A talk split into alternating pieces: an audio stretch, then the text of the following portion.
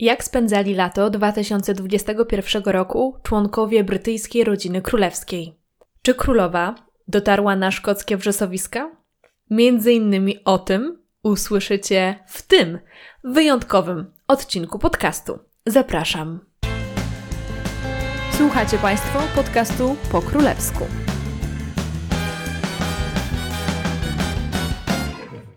Cześć, ja nazywam się Anna Orkisz i będę Waszą przewodniczką po królewskich tematach i dramatach. Jestem ogromnie szczęśliwa, że dzisiaj możemy się tutaj spotkać, że możecie słuchać tego kolejnego już odcinka podcastu po królewsku, ponieważ po prostu myślałam, że nie zbiorę się e, ze stresu na to, żeby nagrać, bo bardzo się bałam wrócić do nagrywania, bo wiecie, jak czym dłuższą przerwę macie, tym bardziej się boicie.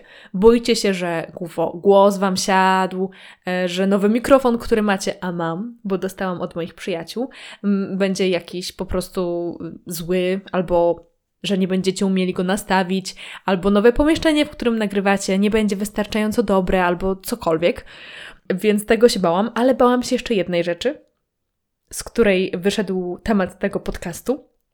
Bałam się, że po prostu nie wiem, co się działo ostatnio w rodzinie królewskiej ponieważ przez ostatnie trzy miesiące miałam totalne wakacje od tego tematu, ale takie no totalne, e, ponieważ zajmowałam się zupełnie innymi rzeczami i postanowiłam, że w październiku wrócę do nagrywania, e, tylko że pojawił się taki szkopuł, że właśnie ja nie wiem, co się ostatnio działo, e, więc postanowiłam, że przygotuję sobie tak mniej więcej, co się działo, wybiorę te najważniejsze według mnie rzeczy, no i Wam o tym poopowiadam. Więc i ja się czegoś dowiedziałam podczas przygotowywania do tego odcinka, i Wy się czegoś dowiecie, e, ponieważ e, przejdziemy sobie przez ostatnie trzy miesiące, czyli lipiec, sierpień, wrzesień, no i może kawałek października, właśnie przez też najważniejszych członków e, brytyjskiej rodziny królewskiej. A na końcu, słuchajcie, zrobimy sobie taki mały kącik, gdzie po prostu przejdziemy sobie przez jakieś nowości wydawnicze, które dotyczą brytyjskiej rodziny królewskiej, czy filmy, seriale i tak dalej. Także na koniec będzie taka część popkulturowa. Także zapraszam. Jeszcze Wam powiem dwa zdania na temat formuły tego odcinka. To jest zupełnie inna formuła niż to, co zwykle. Bo zwykle wiecie, ja jestem człowiek y, mięso, w sensie wolę ziemniaczki, y, a mięso zostawić, ale y, jeżeli chodzi o podcast, to ja lubię, jak one są ciekawą historią, kiedy po prostu wszystko jest, wiecie, skondensowane, są konkrety, jest fajna historia, dobrze opowiedziana. No, Znacie ogólnie moje podcasty. Jeżeli tego słuchacie, to pewnie poprzednich odcinków też, ale ten jest zupełnie inny. E, jest luźniejszy, jest mniej napisany, właściwie mam tylko jakieś hasła, będę bardziej improwizowała, będzie w tym więcej mnie, śmiechu, mogę się czasami tam mylić, więc jest to troszkę inna formuła e, i Myślę, że taka formuła, jeżeli Wam się spodoba, to co kilkanaście, kilka do kilkunastu tygodni będzie się pojawiała. Omówimy sobie jakieś tam mniejsze tematy, bo dzisiaj nie będę wchodziła w jakieś ogromne, ogromne szczegóły. Oczywiście, jeżeli znam jakieś ciekawostki na dany temat, to bardzo chętnie się nimi dzielę, ale to nie będą jakieś super szczegóły, więc dzisiaj trochę luźniej e, i zapraszam Was do wysłuchania właśnie i wspólnego poznawania ostatnich dziejów brytyjskiej rodziny królewskiej. Zaczynamy od najważniejszego członka brytyjskiej rodziny królewskiej. No, nie trudno się domyślić, że jest to królowa Elżbieta. Królowa Elżbieta e, tak tradycyjnie lato spędza e, w swojej szkockiej posiadłości Balmoral. I tutaj taka krótka dygresja, ponieważ zwykle wiele osób myli Balmoral z Sandringham. To są dwie posiadłości, które należą do brytyjskiej rodziny królewskiej, w której spędzają wakacje. Ale uwaga! Balmoral, które znajduje się w Szkocji, jest to miejsce, gdzie e, brytyjska rodzina królewska spędza letnie wakacje, a Sandringham, które znajduje się w hrabstwie Norfolk w Anglii, e, tam spędza brytyjska rodzina królewska wakacje zimowe, czyli okres mniej więcej od świąt Bożego Narodzenia do e, początku lutego, e, a przynajmniej królowa Elżbieta tam bywa. Królowa Elżbieta e, przez całe swoje panowanie właśnie te tradycje letnich odpoczynków w Szkocji kultywuje, a rozpoczęli ją i rozpoczęli w ogóle całą historię Balmoral królowa Wiktoria i książę Albert. No, jeżeli jesteście słuchaczami mojego podcastu, to wiecie, że ja po prostu uwielbiam w każdy podcast wrzucić królową Wiktorię, ponieważ uważam, że królowa Wiktoria to jest osoba, bez której no dzieje współczesnej rodziny królewskiej nie byłyby takie same y, i ona po prostu jest y, takim fundamentem tego, co dzisiaj widzimy w brytyjskiej, ale nie tylko brytyjskiej rodzinie królewskiej. No i między innymi tutaj też jest fundamentem do spędzania wakacji w Balmoral, dlatego że y, wraz ze swoim mężem w 1852 roku kupili posiadłość Balmoral, zburzyli e, zamek, który się tam e, znajdował, wybudowali w 4 lata kolejny, no i od tamtego czasu rezydencja w Balmoral nie za bardzo się zmienia. No oczywiście są takie rzeczy jak internet na przykład, no bo mamy e, halo XXI wiek, a nie XIX już, ale e, generalnie e, rezydencja pozostaje, w, zamek, rezydencja, pałac, jak to chcemy nazywać, pozostaje w bardzo podobnym klimacie właśnie do tego, jak pozostawiła to królowa Wiktoria. No i właśnie, czy to jest tak, że królowa może sobie tam wakacjować do woli i jakby y, leżeć y, i opalać się? Jeżeli jest słońce w Szkocji, oczywiście. Jeżeli ktoś jej widział. No, troszkę tak, a troszkę nie. Dlatego, że rzeczywiście jest to okres, w którym królowa pracuje w roku najmniej, ale jednak jeszcze tam czasami przegląda dokumenty. No i spotyka się, e, jest czy jest w stałym kontakcie z premierem czy premierką, a także czasami e, podejmuje tam premierów właśnie w Wielkiej Brytanii w swojej letniej rezydencji. No i czasami premierzy wpadają do królowej właśnie do e, Balmoral na dzień czy dwa, żeby się lepiej poznać, ale też żeby porozmawiać o polityce. Co robią właściwie ci premierzy w tym Balmoral i wszyscy goście, których ma tam królowa, a ma ich wiele i o tym zaraz sobie powiemy. Y, generalnie Balmoral to jest takie miejsce dla rodziny królewskiej ukochane, gdzie mogą sobie mm, dowoli przechadzać po y, szkockich wrzosowiskach, górach, tropić zwierzynę, polować na kuropatwy i tam inne takie, piknikować, spędzać czas wśród psów i koni. No brzmi jak sielanka i pewnie też taką jest. Także to jest taki klimacik i jak wiemy, brytyjska rodzina królewska uwielbia taki, ja bym to nazwała wiejsko-arystokratyczny y, entourage. No i ponieważ lubi tam przebywać nie tylko y, królowa, ale także jej rodzina, no to bardzo często się zdarza tak, że podczas kiedy królowa tam jest, to przyjeżdżają do niej różni członkowie rodziny, synowie, córka, wnuki, prawnuki e, i wspólnie właśnie spędzają e, w Szkocji czas. Królowa zwykle wyjeżdża do Balmoral e, pod koniec lipca i zostaje tam na około dwa miesiące, czyli jest tak do początku października, końca września. No i wtedy jest to też fajny czas dla nas, dla osób, które chciałyby odwiedzić na przykład pałac Buckingham, dlatego że wtedy, kiedy królowa jest właśnie w Balmoral, to możemy my, zwykli śmiertelnicy, że tak powiem, zwiedzać pałac Buckingham. Ale o tym mówiłam już w pierwszym odcinku mojego podcastu, więc jeżeli nie słuchaliście, to zapraszam.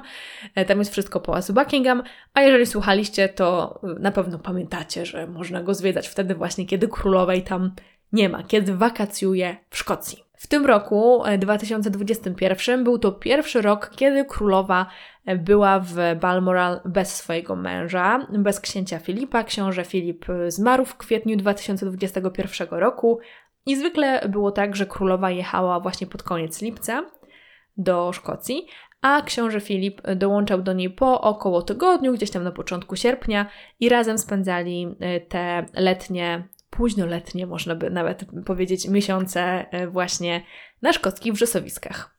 Jeżeli chcecie bliżej poznać klimat Balmoral, to e, zachęcam Was do obejrzenia odcinków czwartego sezonu serialu The Crown, chociaż no, pewnie większość z Was już e, go oglądała, gdzie jeden odcinek nazywa się Balmoral Test i właśnie pokazuje takie typowe aktywności, które w Szkocji rodzina królewska uprawia wykonuje, którymi się para.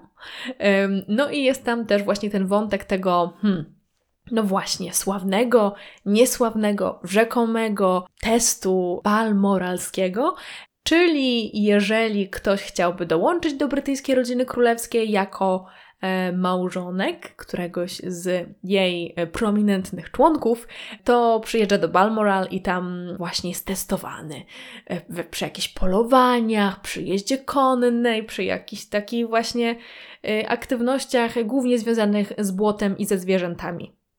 I pewnie z brzydką pogodą. I akurat w tym czwartym sezonie The Crown mamy postać Diany, która jest w ten sposób testowana. Bardzo ciekawy odcinek, e, dużo ładnych krajobrazów, także polecam, jeżeli e, ktoś z Was chciałby się wbić w ten szkocki klimat królewskich wakacji. No dobra, ale królowa wakacjowała od końca lipca. To w takim razie co robiła na początku lipca? No na początku lipca ona, tak jak inni członkowie brytyjskiej rodziny królewskiej przez całe te trzy miesiące, robili to, co robią członkowie brytyjskiej rodziny królewskiej, czyli Wizytowali różne e, szkoły, fabryki, instytucje, także angażowali się w różne inicjatywy. To, co ja wybrałam z kalendarza królowej, żeby Wam o tym teraz opowiedzieć, to e, wizyta królowej e, na planie serialu Coronation Street. Serial Coronation Street to jest absolutnie kultowy serial w Wielkiej Brytanii, który w tym roku obchodzi swoje 60-lecie. Tak, 60-lecie. To jest prawie tyle, ile królowa jest na tronie. No bo w tym roku mija królowej 69 lat, a serial obchodzi 60-lecie. To jest ponad 10 tysięcy odcinków e, tego serialu. To jest taka typowa opera mydlana, coś, co się ciągnie jak tasiemiec, no bardziej niż polski klan na pewno, bo jakieś 40 lat dłużej. Jest to naprawdę taki kultowy brytyjski serial, który niemalże sięga początków telewizji brytyjskiej i królowa właśnie odwiedziła e, plan Coronation Street. I dla mnie to jest takie, wybrałam to wydarzenie, dlatego że mm, uświadomiłam sobie, że kiedy Coronation Street startowało z pierwszymi odcinkami, no to królowa była zupełnie młodą babką, zupełnie młodą królową, bo była wtedy na tronie tylko przez 9 lat. Czyli to jest taki pierwszy może sezon The Crown, może drugi, więc jak pamiętamy, to naprawdę były zupełnie inne czasy. No i, i tak jak Królowa, ten serial przez wiele dekad już trwa, no i pewnie zostanie z Brytyjczykami na jeszcze wiele, wiele lat. No dobra, to wiemy, co królowa Elżbieta robiła przez e, ostatnie kilka miesięcy, ale co robili członkowie jej rodziny. Na przykład wnuczka królowej, e, czyli księżniczka Beatrice, urodziła córeczkę. No i teraz bardzo szybki tutaj zarys drzewa genealogicznego, ponieważ ja wiem, że nie wszyscy z Was wiedzą, kim jest e, księżniczka Beatrice i nie ma w tym absolutnie nic złego, ponieważ no, nie każdy musi być królewskim genealogiem. A mianowicie królowa ma czwórkę dzieci, trójkę synów i jedną córkę. I trzeci w kolejności jest książę Andrzej, o którym jeszcze będziemy dzisiaj yy, niechlubnie mówić. Yy, I książę, I książę Andrzej ma dwie córki, Beatrice i Eugenię. Eugenia urodziła na początku tego roku swojego synka, którego nazwała mm, August Filip, a jej siostra e, właśnie na przełomie września i października urodziła córeczkę, e, którą wraz z mężem nazwali Siena Elizabeth Mapelli Mazzi. Mapelli Mazzi to nazwiska męża Beatrice, e, a Siena Elizabeth to imiona córeczki. E, Siena, żeby było tak włosko i Elizabeth, wiadomo, po babci, a właściwie prababci. I tutaj możemy zauważyć, że w ostatnich latach bardzo rozrosło się to najmłodsze pokolenie członków brytyjskiej rodziny królewskiej, ponieważ większość wnuków królowej Elżbiety było urodzone w latach 80., no i właśnie teraz przez ostatnie mniej więcej 10 lat mieli swoje dzieci, także królowa Elżbieta teraz ma już 12 prawnuków i prawnuczki. Jak już jesteśmy w tym takim wnukowym pokoleniu, no to zajrzyjmy na chwilę do e, Williama i Kate. No tutaj się działo dużo. Nie było jakoś tak bardzo dużo y, jakichś niezwykłych spotkań, y, o których mogłabym Wam y, powiedzieć. Na pewno ważną inicjatywą, która się pojawiła całkiem niedawno, jest nowa inicjatywa księcia Williama i jest to nagroda Earthshot Prize. Jest to nagroda, która jest nagrodą za różne działania ekologiczne i książę William jest to bardzo zaangażowany, występuje też w różnych spotach promujących tę nagrodę. Nagroda jeszcze nie została rozstrzygnięta, ale jest to coś takiego nowego, czego jeszcze nie było. To jest inicjatywa, której właśnie jeszcze nie było u Williama i u Kate i bardzo mi się to kojarzy z ojcem, czyli z Karolem, ponieważ Karol zawsze był tym ekologicznym członkiem rodziny królewskiej i zawsze właśnie we wszystkie ekologiczne inicjatywy się angażował. No a tu proszę, e, jego syn właśnie angażuje się w nagrodę Earthshot Prize. Kate i William a właściwie powinnam powiedzieć e, książę i księżna Cambridge, ale mówię Kate i William, bo jest krócej. William, czyli drugi e, w kolejce do tronu zaraz po swoim ojcu Karolu, byli na premierze najnowszego Bonda. I Kate wyglądała olśniewająco w takiej złotej sukni. I generalnie Kate z Williamem tak kilka razy do roku pojawiają się na premierach um, szczególnie brytyjskich filmów albo hollywoodzkich filmów z dużym brytyjskim wkładem, że tak powiem. I nie pojawili się tam sami, bo pojawili się tam w towarzystwie ojca e, Williama, czyli Karola, i jego żony Kamili. E, no, cała czwórka wygląda absolutnie fantastycznie i w ogóle książę Karol, nie wiem czy wiecie, był na planie najnowszego filmu o Bondzie.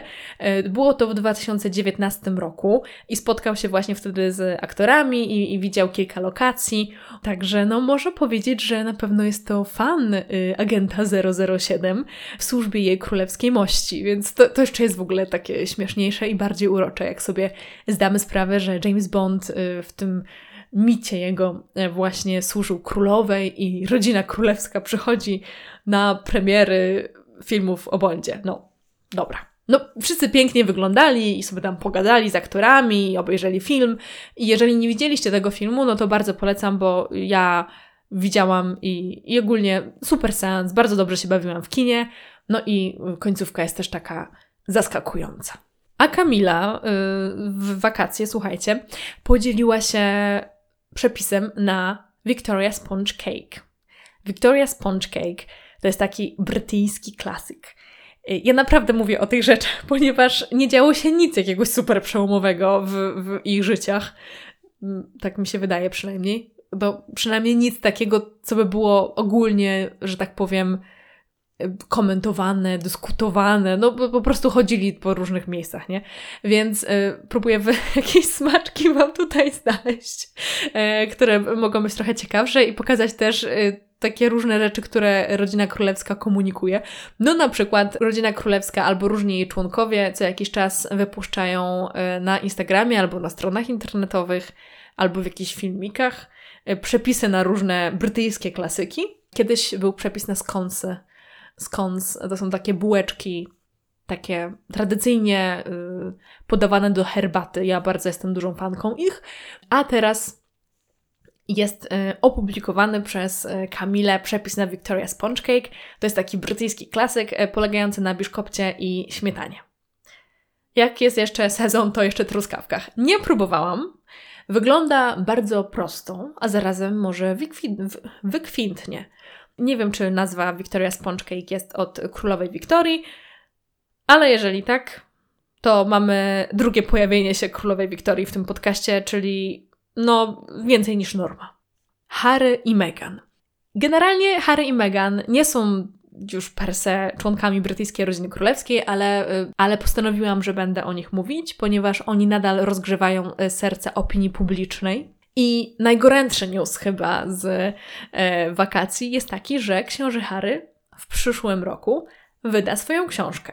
I to nie będzie e, książka dla dzieci, jak na przykład zrobiła to Meghan albo inni członkowie rodziny królewskiej e, przez lata, ale to będzie książka, w której opowie o swoim życiu, o swoich porażkach i sukcesach i no, w pewnym stopniu się z tym swoim życiem jakoś tam dotychczasowym będzie rozliczał. Jest taka niepisana zasada, że członkowie rodziny królewskiej nie wydają swoich książek, nie autoryzują swoich biografii. No i wiecie, no generalnie jakby pozostają takimi niedopowiedzianymi figurami. E, a tutaj książę Harry będzie pisał swoją książkę o swoim życiu. Także na pewno to będzie ciekawa pozycja. Myślę, że będzie wokół tego ogromna ilość szumu i jestem ciekawa, jak ona się będzie odnosiła do sprawy odejścia z brytyjskiej rodziny królewskiej. E, no i której książce z tych, które już powstały na temat Harry'ego i Meghan, będzie najbliższa, czyli e, kto miał rację. I na koniec tego newsowego segmentu zostawiłam sobie temat zdecydowanie najpoważniejszy, czyli temat księcia Andrzeja. Książę Andrzej jest podejrzany o molestowanie seksualne, napaść seksualną na nieletnich. Po angielsku te zarzuty to sex abuse and sex trafficking, które są powiązane z jego przyjaźnią z Jeffreyem Epsteinem. Opowiem Wam pokrótce mniej więcej, jak ta e, sprawa wygląda.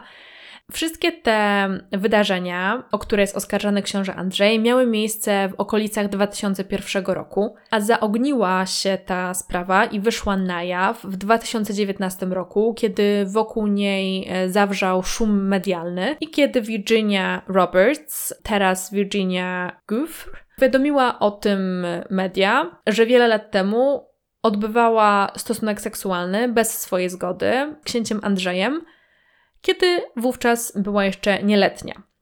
Miała od 16 do 18 lat.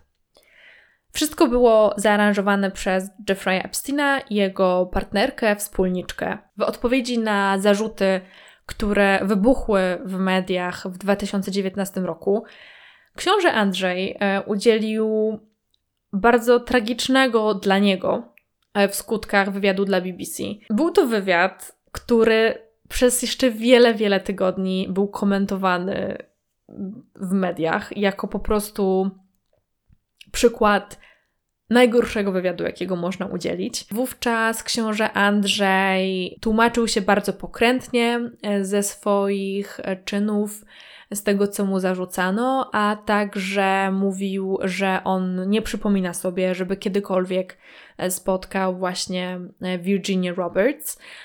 Przedstawiona została mu nawet zdjęcie właśnie, które ma z Virginia Roberts, no ale on sobie nic nie przypomina i uważa, że wówczas e, tego dnia, mm, który był wspomniany, po prostu robił zupełnie coś innego. To odbiło się ogromnym skandalem, nie tylko w brytyjskich mediach, tylko w światowych mediach.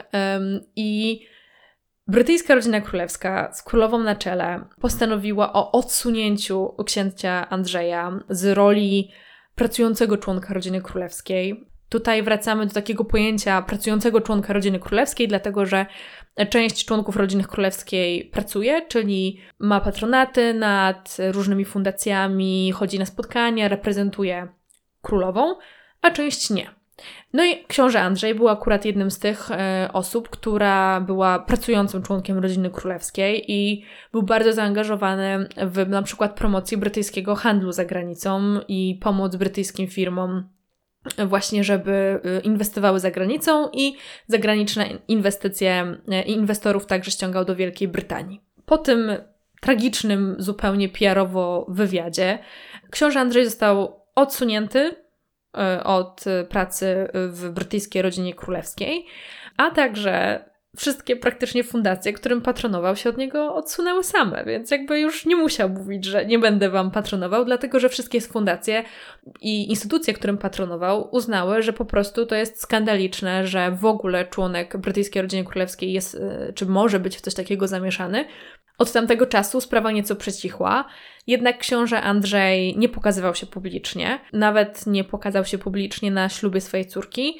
Jedyną jego taką publiczną wypowiedzią była wypowiedź w okolicach śmierci jego ojca, księcia Filipa. I tak było do sierpnia 2021 roku, kiedy Virginia, czyli poszkodowana, złożyła e, sprawę sądową e, w Nowym Jorku, założyła sprawę sądową w Nowym Jorku, chyba tak się mówi, przeciwko księciu Andrzejowi i oskarżyła go o trzykrotne wykorzystywanie seksualne przed 18 rokiem życia. W momencie, kiedy nagrywam ten podcast, jeszcze sprawa nie została rozstrzygnięta. E, tam media informują o kolejnych krokach właśnie w postępowaniu, ale nic jeszcze nie zostało, nie ma jakichś po prostu y, konkretnych wyników y, tego procesu. Także nie jestem Wam w stanie powiedzieć, jak ta sprawa się skończy, no ale jest to sprawa niezwykle poważna i no tutaj myślę, że całej tej sprawie przydałby się zupełnie inny odcinek podcastu, bo jest ogromna ilość wątków, e, zarówno jeżeli chodzi o samego księcia Andrzeja, jak i to, jak to wpływa, czy nie wpływa na brytyjską rodzinę królewską.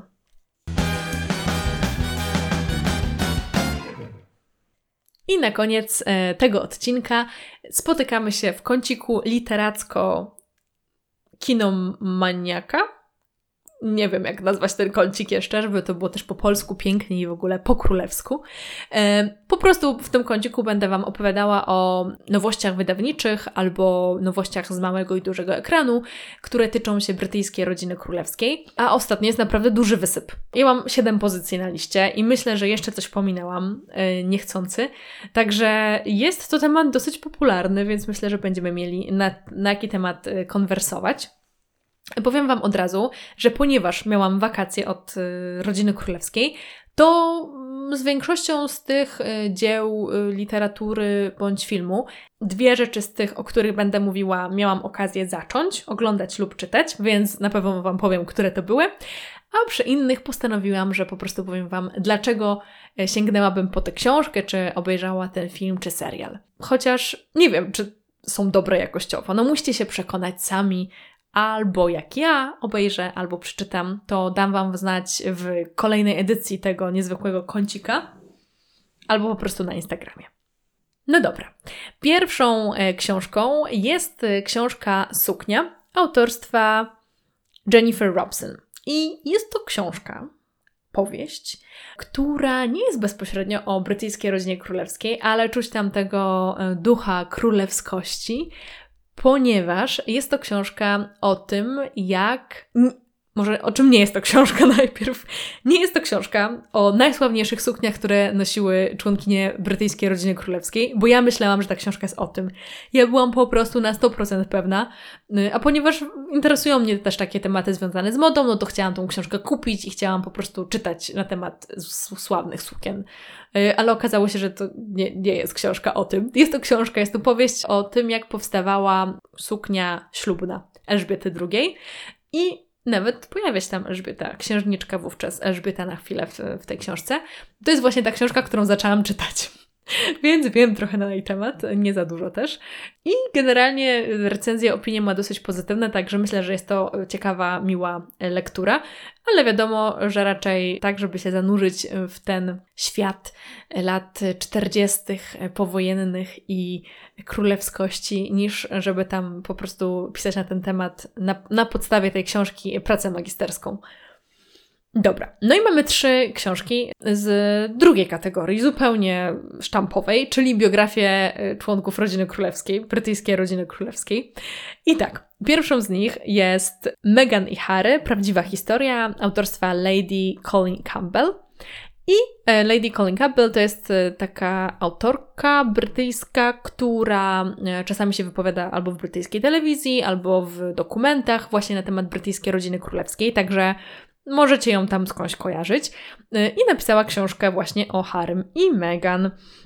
Y, tutaj po prostu opis jest naprawdę zacny. Na stronie wydawcy polecam, możecie sobie, y, możecie się zanurzyć. Jest bardzo barwny. Jest prawie tak barwny jak czasami język w moich podcastach, więc bardzo barwny.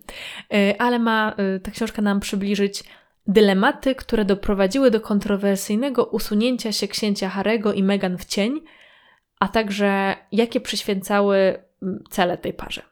No także wiecie, taka książka na temat odejścia Harego i Meghan z rodziny królewskiej.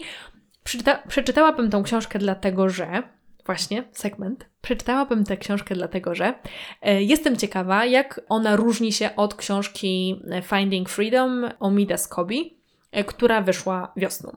Z jakiej perspektywy jest napisana, jaki jest poziom szczegółowości i jak, do jakiego wniosku dochodzi autorka. Także do porównania tych dwóch książek, właśnie tę książkę bym z chęcią przeczytała.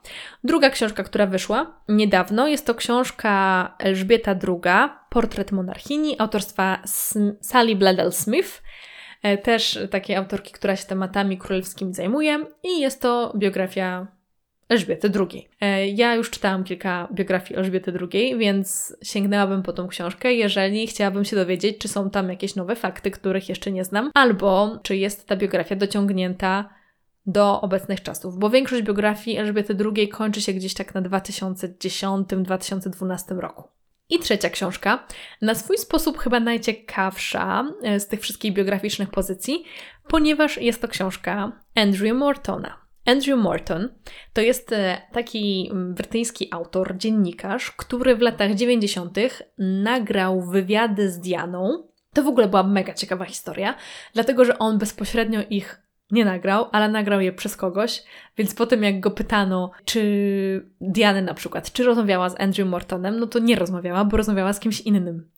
To był taki myk. Więc Andrew Morton jest w posiadaniu wielu kaset właśnie nagrań wypowiedzi Diany i na tej podstawie wydał w latach 90. dwie książki, które były dosyć głośne i w tym roku, w listopadzie jest premiera e, polska, wraca z kolejną historią, a mianowicie książka nazywa się Diana, jej historia.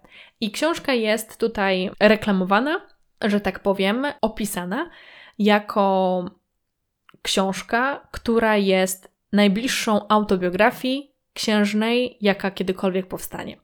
Czyli autor wrócił do nagrań, które e, miał i napisał od nowa książkę o Dianie, właśnie wyciągając jakieś nowe fakty, których jeszcze nie publikował i tak dalej. Także to może być ciekawe. Ma przepiękną okładkę, bardzo mi się podoba. Wydawnictwo Marginesy, super okładka. Wreszcie książka o Dianie nie z twarzą Diany. Super, naprawdę jest przepiękna, bardzo klasyczna fajna. No i teraz e, trzy rzeczy takie audiowizualne. No, każda jest zupełnie inna.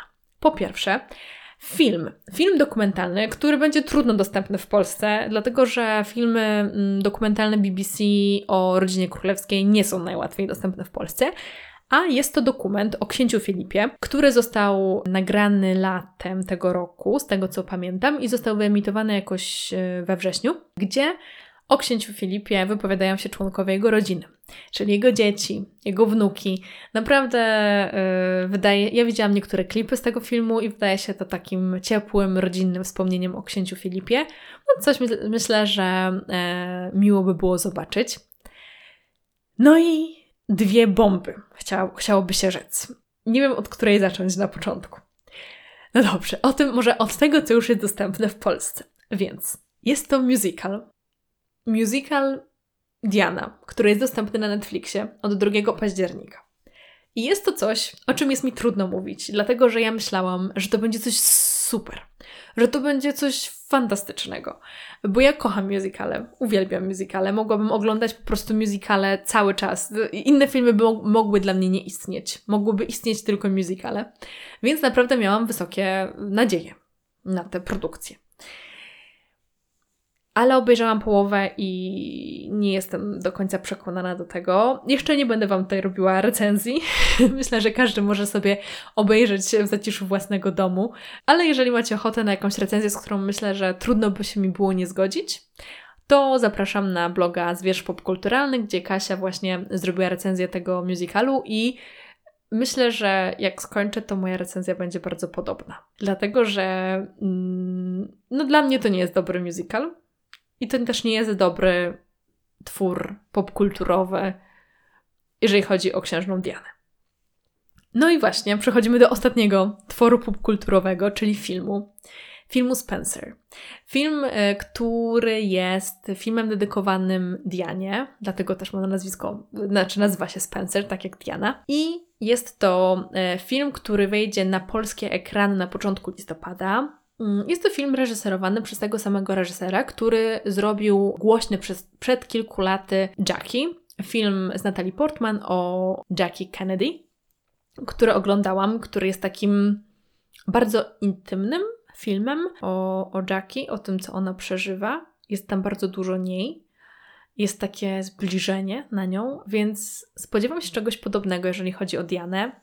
Nie byłam tak dobrze nastawiona do tego filmu, ale moje nastawienie się zmieniło po przeczytaniu y, jednej z recenzji też. W ogóle ja nie jestem osobą, która czyta jakoś strasznie dużo recenzji, nie wiem dlaczego mówię dwa razy o recenzjach, więc y, przeczytałam recenzję na Filmwebie jednej z redaktorek tego serwisu i bardzo mnie zaintrygował ten film, dlatego że podobnież nie jest tam Diana przedstawiona tak, wiecie, popkulturowo, cukierkowo, tylko mm, jednak próbuje się wejść trochę głębiej i nie pokazać jej tak e, czarno-biało, tylko raczej w odcieniach szarości. Więc jestem bardzo ciekawa, jak ten film wyjdzie. No i na pewno, jeżeli będę miała okazję się wybrać do kina i będzie ten film grany gdzieś w mojej okolicy, to, to chętnie się wybiorę.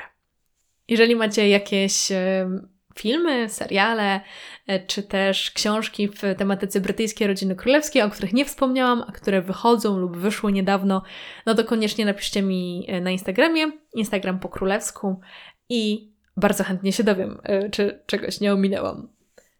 Dobra, dziękuję Wam serdecznie za słuchanie. Bardzo się nagadałam w tym odcinku i też jest to taki, no to, to już mówiłam, że nowa formuła, że taki luźniejszy odcinek, że trochę więcej może dygresji. Także mam nadzieję, że taki odcinek w takiej nowej mm, formule, która co pewien czas będzie się pojawiała, pewnie Wam się podobał. I dziękuję Wam serdecznie za słuchanie. Pamiętajcie, że na Apple Podcast możecie napisać recenzję y, podcastu i będzie mi przemiło, jeżeli ją tam napiszecie i ocenicie na przykład na 5 gwiazdek, dlaczego nie. Możecie także subskrybować podcast na każdej innej platformie podcastowej i podesłać swoim znajomym, oczywiście. Najfajniej jest podesłać znajomym jakiś dobry podcast, żeby sobie słuchali na przykład przy obieraniu ziemniaków albo przy robieniu spaghetti. Dobra, dziękuję Wam bardzo za, za słuchanie. Słyszymy się już niebawem w kolejnym odcinku. Cześć!